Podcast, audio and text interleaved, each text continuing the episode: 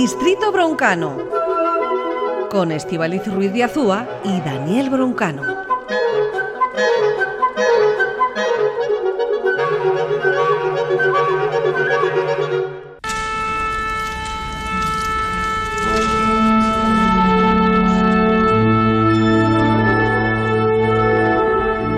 Orquesta está ya aquí preparada, dispuesta. La tenemos en un rincón del estudio. Ahí está, eh, afinando el oboe en ese la, eh, un la que va luego a pasar el primer violín. Luego después irán las, la sección de, de cuerdas. Todos a ver afinando. A ver, sí. Vamos a ver cómo afinamos.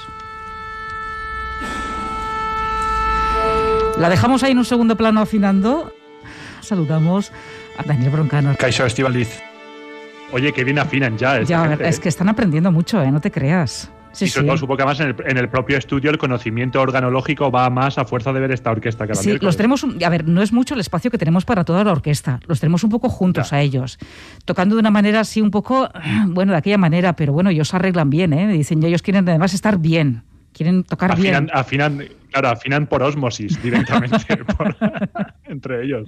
Sí, sí, sí, sí. Eh, y es que, claro, eh, nosotros queremos que afinen bien y sobre todo queremos hoy que afine bien un instrumento, porque de ello va a ir precisamente nuestro curso por fascículos de musicología e instrumentología avanzada. Sí, hoy tenemos un instrumento que es un instrumento clave, uno de los más populares eh, del mundo, además en muchas culturas, que es la flauta.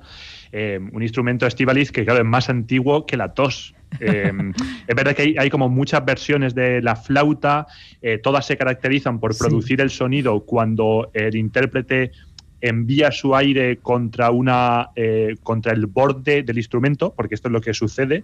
Eh, hay que soplar muchísimo, eh, pero como digo, es, eh, es uno de los instrumentos más antiguos. O sea, de verdad Ya. que antes de que hubiésemos domesticado la gallina ya estábamos tocando la, la flauta. ¿eh? Me encantan estas, compara- estas comparaciones, que este instrumento es de antes de que hubiésemos domesticado las gallinas. Te diré que cuando nuestra, nuestra orquesta se ha puesto aquí a, a- a afinar, porque claro, la orquesta la formamos parte de nuestro equipo, muchos han dicho, yo me pido la flauta, que sé tocarla. Y digo, a ver, Claro. tú no- yo le he dicho, tú no sabes tocar la flauta, tú te acuerdas de algo de que tocaste la flauta cuando ibas a la EGB, pero poco más. Pero es que es muy importante tener una flauta en, en tu vida desde que casi que naces. O sea que, pero esto pasó con la humanidad, que realmente es uno de los primeros instrumentos eh, de verdad, eh, tanto hechos de hueso como hechos de madera. eh, es de verdad uno de los instrumentos más antiguos y, y siempre con esta, en lo que lo define es este bisel, que es una. eh, es un reborde Sí. eh, contra el cual eh, soplamos y esto es lo que produce el, el sonido.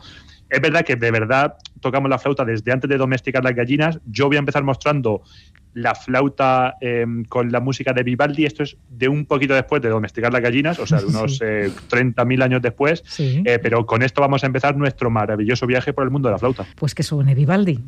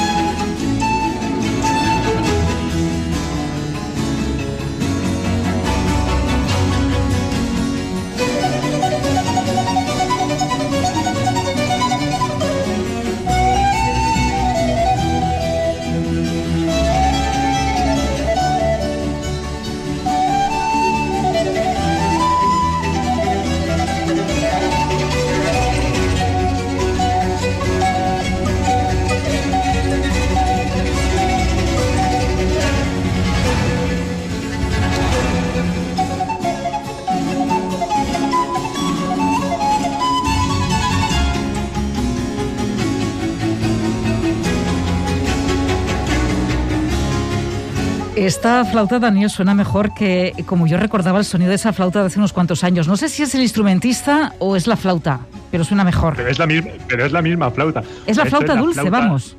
Sí, sí, sí, sí, esto es la flauta dulce o flauta de pico, que es la que se toca frontal, por así decirlo, eh, en contraposición a la flauta travesera. Es verdad que quien la tocaba en esta grabación eh, es una estrella de la flauta que se llama François Lazarevitz, francés, con el musician de San Julián, pero efectivamente es, la misma, ¿Tú la tocabas la flauta? Sí, yo toqué la flauta durante muchos años. No me hagas tocar a la flauta que no tengo ni idea, ¿eh? Pero es que Estivalis, has dicho que esto se tocaba en EGB, pero yo te voy a decir que se tocaba en la LOXE, se tocaba en la LONCE. O sea, es verdad que, en el Estado cambian las, eh, las leyes educativas eh, cada dos por tres, pero hay una constante vital que es, es la flauta de pico. O sea, esto es lo mm. que da unidad a las diferentes leyes educativas.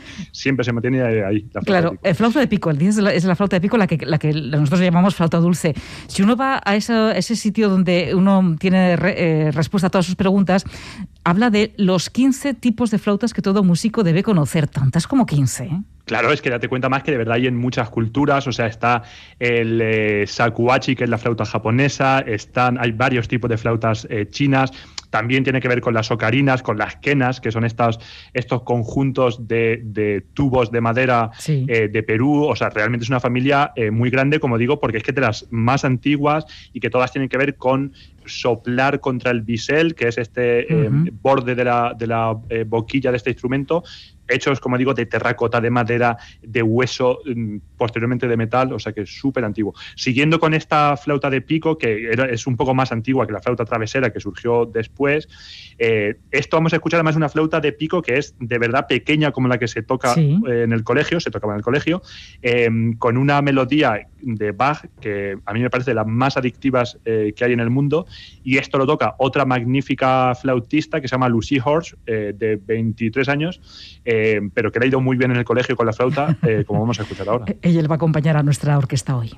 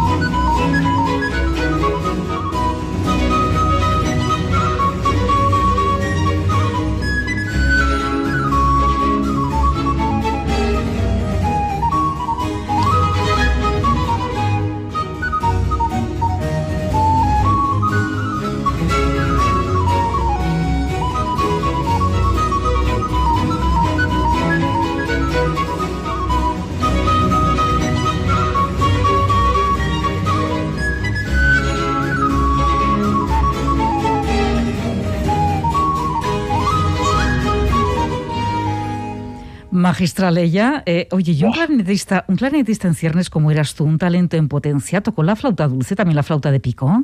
Hombre, claro, claro, esto es el despertar de la destreza de cualquier instrumentista de viento, es tocar esa flauta, pero además se parecen mucho, o sea, hay cuestiones de digitación, o sea, de cómo se hacen unas notas y otras con los dedos, que son prácticamente iguales, sobre todo en los instrumentos más antiguos, luego ya cada uno tecnológicamente ido hacia un sitio u otro. Es verdad que la flauta es el instrumento de viento eh, madera en el que más hay que soplar, o sea, igual que el oboe es el que tiene una mayor eficiencia de que produce más sonido por, vamos, por litro de aire, porque tiene una, una doble lengüeta súper concentrada y estrecha, la flauta es al contrario, con lo cual eh, si no estamos acostumbrados y tocamos la flauta, eh, mm, nos marearíamos de hiperoxigenación. O sea, realmente hay que hiperventilar muchísimo para tocar la flauta. Oye, esta, esta melodía eh, de Bach, Estivalis, no sé si te parece, me parece, me parece súper adictiva. Esta es, es conocida, es muy conocida, digamos, no sé si está, sí, es conocida, no te sabríamos decir los que no sabemos si no profundizamos en esto de la música de la orquesta, pero diríamos que esta, esta sí que la podríamos taradear incluso se puede tararear. Esto es la badinerie, que es, una danza de la suite número 2 para orquesta de Bach. Eh, yo preparando esta sección he escuchado en loop todo el rato. en bucle, has estado todo el día. En bucle, en bucle con la flauta. Eh, entonces, esto es la flauta de pico, que claro, es como, como frontal. La otra versión de la flauta, que es la flauta traversera, vino un poco después en la, en la historia, en la que se toca en la orquesta hoy en día. Eh, la que tendrás ahí en, los confines del estudio. Sí. Eh, y entonces, La tengo un poco esquinada porque no le entra bien, está dando contra la pared y, no y dice que, tiene, que necesita un poquito más espacio, que no le entra la flauta bien.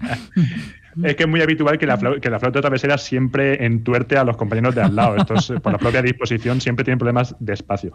El traverso barroco, que esto, de madera, eh, bueno, pues por ejemplo hay un instrumentista como Johann Joachim Quantz, de principios del siglo XVIII, que, desarrolló mucho este instrumento.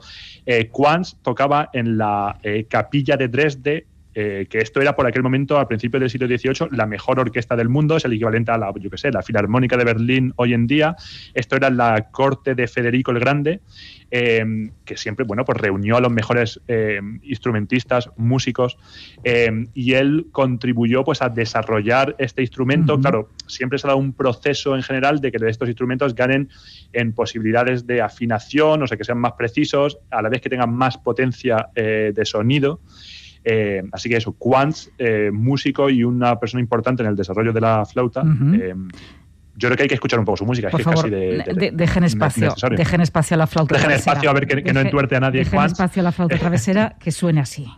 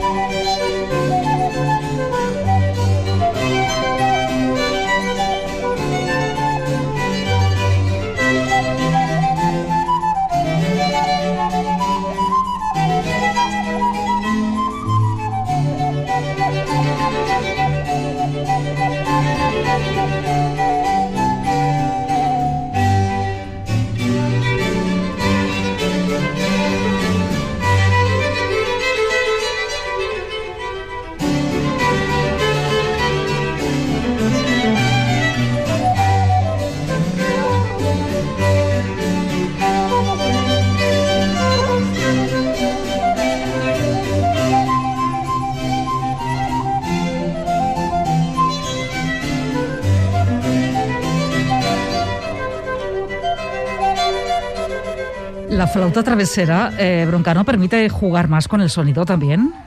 Sí, tiene, bueno, tiene un instrumento, tiene un sonido más profundo, más, más grande que la flauta dulce o flauta de pico, y realmente fue la que se superpuso históricamente a la flauta dulce, salvo en eh, la EGB, claro que la, recuperó, por supuesto, la flauta de pico. No teníamos tanto espacio en el aula em, para, para, tener todos una flauta travesera. Sí, es un poco por seguridad, claro, por seguridad corporal de los eh, alumnos.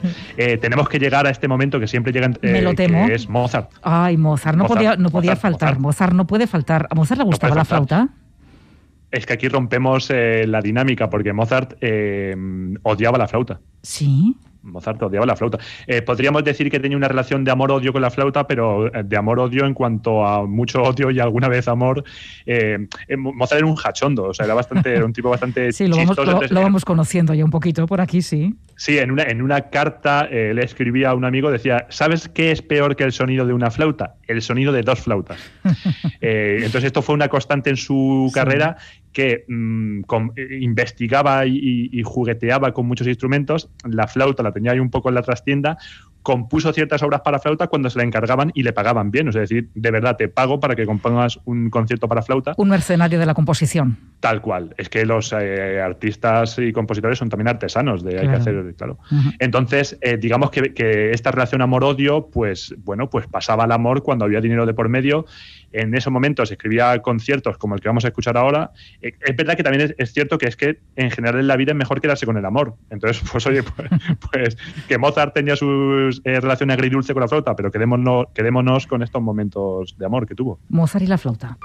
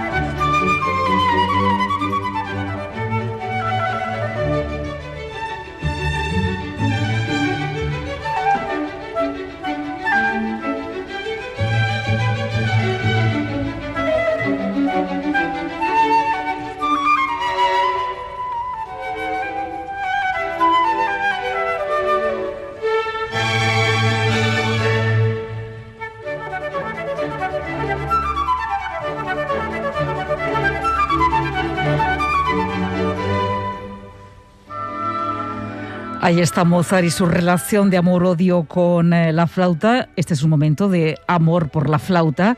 Aunque me preguntan aquí que por, para no gustarle, hombre, tiene una ópera que tituló precisamente eh, Broncano La flauta mágica. Sí, pero esto es un argumento literario fundamentalmente. Pero sí es cierto que la flauta había algo, también le pasaba con la trompeta que le daba cierto resquemor. Eh, o sea que, sí, esta, esta era su relación. vamos a dar un cierto salto histórico porque de este momento, claro, esto todavía era una eh, flauta travesera de madera y con muy pocas llaves. Eh, durante el siglo XIX, muchísimos instrumentos musicales, pues, oye, experimentaron eh, pues un proceso de complejización tecnológica, porque estamos, empezábamos a vivir en un mundo industrial con mucha ingeniería. Entonces pasan dos cosas con la flauta. Una, que se metaliza, o sea, se hace de metal, Em, aunque por cariño y por física lo seguimos eh, considerando un instrumento de viento madera. Mm, o sea, aunque, aunque se haya puesto, y esto, esto, es real, se haya puesto metal para sonar más potente. Esto, eh, claro, cuanto, cuando se han ido haciendo estas flautas de eh, metales como el oro, la plata, incluso el paladio, pues han ido teniendo un instrumento, un, perdón, un timbre más luminoso que hace que en, una, en un teatro más grande pues se escuche más. ¿no? La mayoría de las flautas de ahora son, son de plata eh, esto quiere decir que realmente cuestan una cierta pasta, muchas de las flautas profesionales, a veces tienen la cabeza de oro incluso, o sea que, hay unos eh, metales ahí bastante maravillosos. Esto por un lado se fueron haciendo de metal y por otro lado hubo un, eh, instrumentista alemán que se llamaba Bohm que cambió todo el sistema, todo el mecanismo. O sea, él decía que las flautas no estaban bien afinadas porque los eh, agujeros estaban puestos donde venían bien a los dedos y no donde venían bien a la, lógica, al sonido. Entonces, eh, hizo agujeros más grandes y que estaban en el lugar que tenían que estar en el tubo y puso, bueno, pues puso teclitas para poder eh, tapar esos agujeros más grandes y que a veces pillaban a desmano. Este, además, este sistema luego se copió para el clarinete, para el oboe. Así que, bueno, pues realmente hubo una súper transformación de estas flautas traveseras o estos traversos barrocos incluso eh, más sencillos en las flautas que conocemos de ahora, pues estos instrumentos plateados con, muchas llaves. Eh, mucho más potentes, muchísimo más brillantes. Y justo es el tipo de música que vamos a escuchar ahora. Esto es el, concierto para flauta de Ibert, eh, tocado por otra superestrella de la flauta, que es Emmanuel Paut, es flauta solista de la Filarmónica de Berlín. Así que de este Mozart todavía, este periodo clásico, vamos a pasar a pues, un siglo después para que veamos cómo es la flauta un poco actual. Que suene la orquesta.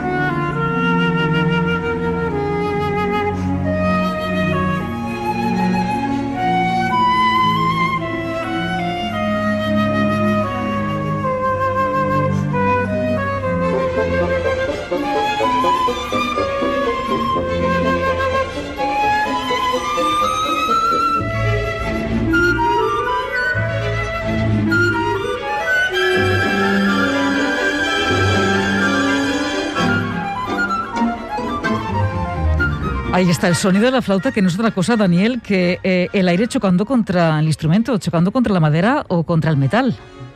Esto es, eh, con esto se produce eh, la magia del sonido, hace vibrar esa columna de aire que se produce dentro del tubo y esto es el, este es el fundamento. Hay que soplar muchísimo. Ya digo que es un instrumento como que requiere de verdad bastante aire, muy exigente en ese sentido es curioso que este, este sonido aéreo de la flauta, o sea, es como que siempre escuchamos aire, siempre sabemos que es que esto es, eh, hay aire ahí, ¿no? Los compositores lo utilizan para inspirar a otros instrumentos. O sea, hay un término musical que, se, que es flautando, eh, así como del italiano, que los compositores lo eh, utilizan, por ejemplo, en una partitura para violín o para violonchelo, ponen flautando, como si tú con el chelo pudieses conseguir ese sonido aéreo de la flauta. Eh, esto es curioso que, bueno, que siglos después sigue siendo como, como una institución en sí mismo este sonido de la, flauta. La referencia de la flauta, que es uno de los sonidos que más, que más conocemos. Eh, bueno, antes estábamos justo escuchando este concierto para flauta de Jacques Ibert, eh, con muchísimo virtuosismo, muchas notas que van y vienen. hay otro concierto parecido del compositor danés Carl Nielsen, eh, que le encantaba escribir para instrumentos de viento. Hay, compositores que, eh, que, le cogen afición a esto de los instrumentos de viento, que son un poquito menos eh, a priori solísticos y sin embargo consiguen hacer con ellos pues maravillas, como este concierto que vamos a escuchar a continuación, el concierto para flauta de Carl Nielsen.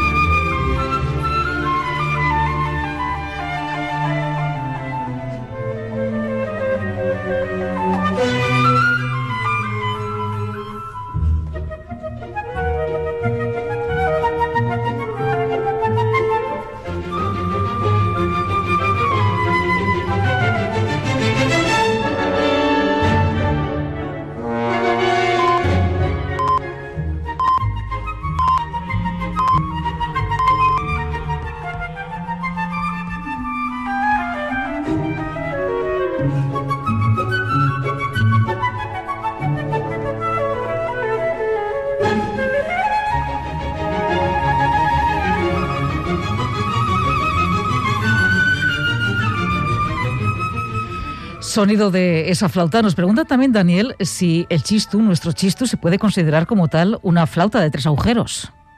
Totalmente, es un flautoide, claro que sí. Pertenece, pertenece a la especie flautus. Totalmente, claro, organológicamente funciona, funciona como una flauta, claro que sí, claro que sí el sonido de la flauta, claro, hemos visto que eh, a veces puede ser como la leve brisa de mayo, otras veces, y ya lo escuchamos un poco en este concierto de Nielsen, tiene bastante garra, además según han progresado estos instrumentos a tener más brillo y más potencia, hasta el punto de que a veces la flauta que, podríamos considerar a priori como un instrumento ligero, eh, un poco tipo pajarito, pues puede llegar a dar miedito. Eh, y hay una cosa que a mí me parece la más bonita de todas, que es que se percibe la conexión tan inmediata que hay con el aliento del instrumentista. O sea, hablamos de que hay que soplar mucho, pero es que realmente eh, hay otros instrumentos como el clarinete, como el oboe o como los instrumentos de metal donde eh, hay otro elemento que produce el sonido, eh, como es una caña o una lengüeta en el caso del oboe, o como es la vibración de los labios en el caso de un instrumento de metal. En la flauta es muy directa porque el propio aire del instrumentista es el que ya directamente se convierte en sonido es como eh, muy emocionante ver ese aliento del instrumentista. Eh, esta grabación que vamos a escuchar ahora de la sonata para flauta de Prokofiev, a mí me transmite eso y creo que es muy emocionante ver ese aliento directamente convirtiéndose en sonido.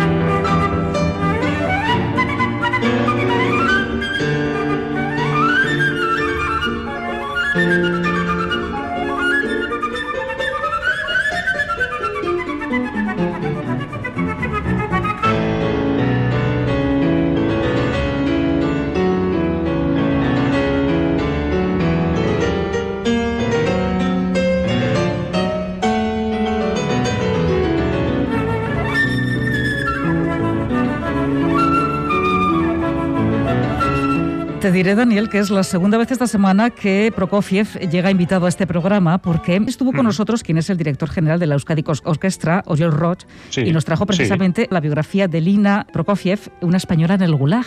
Y estuvimos hablando precisamente oh. de este músico y de su mujer y de todo lo que tuvieron que pasar, sí, sí. Pues es que Uriol es una persona con excelente gusto para traer a Prokofiev, claro que sí.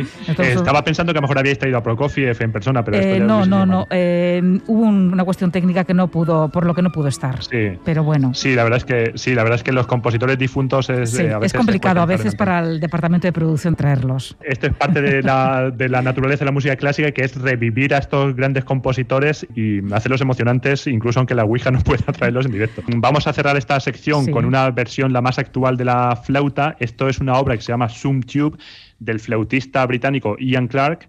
Eh, es una obra que tiene muchas eh, técnicas extendidas, como se dice eh, en concreto en la música, pero son bueno, efectos especiales. Ahora vamos a ver un flautista que, que gruñe, que canta a la vez que toca, que hace efectos diversos con la flauta, muy emocionante.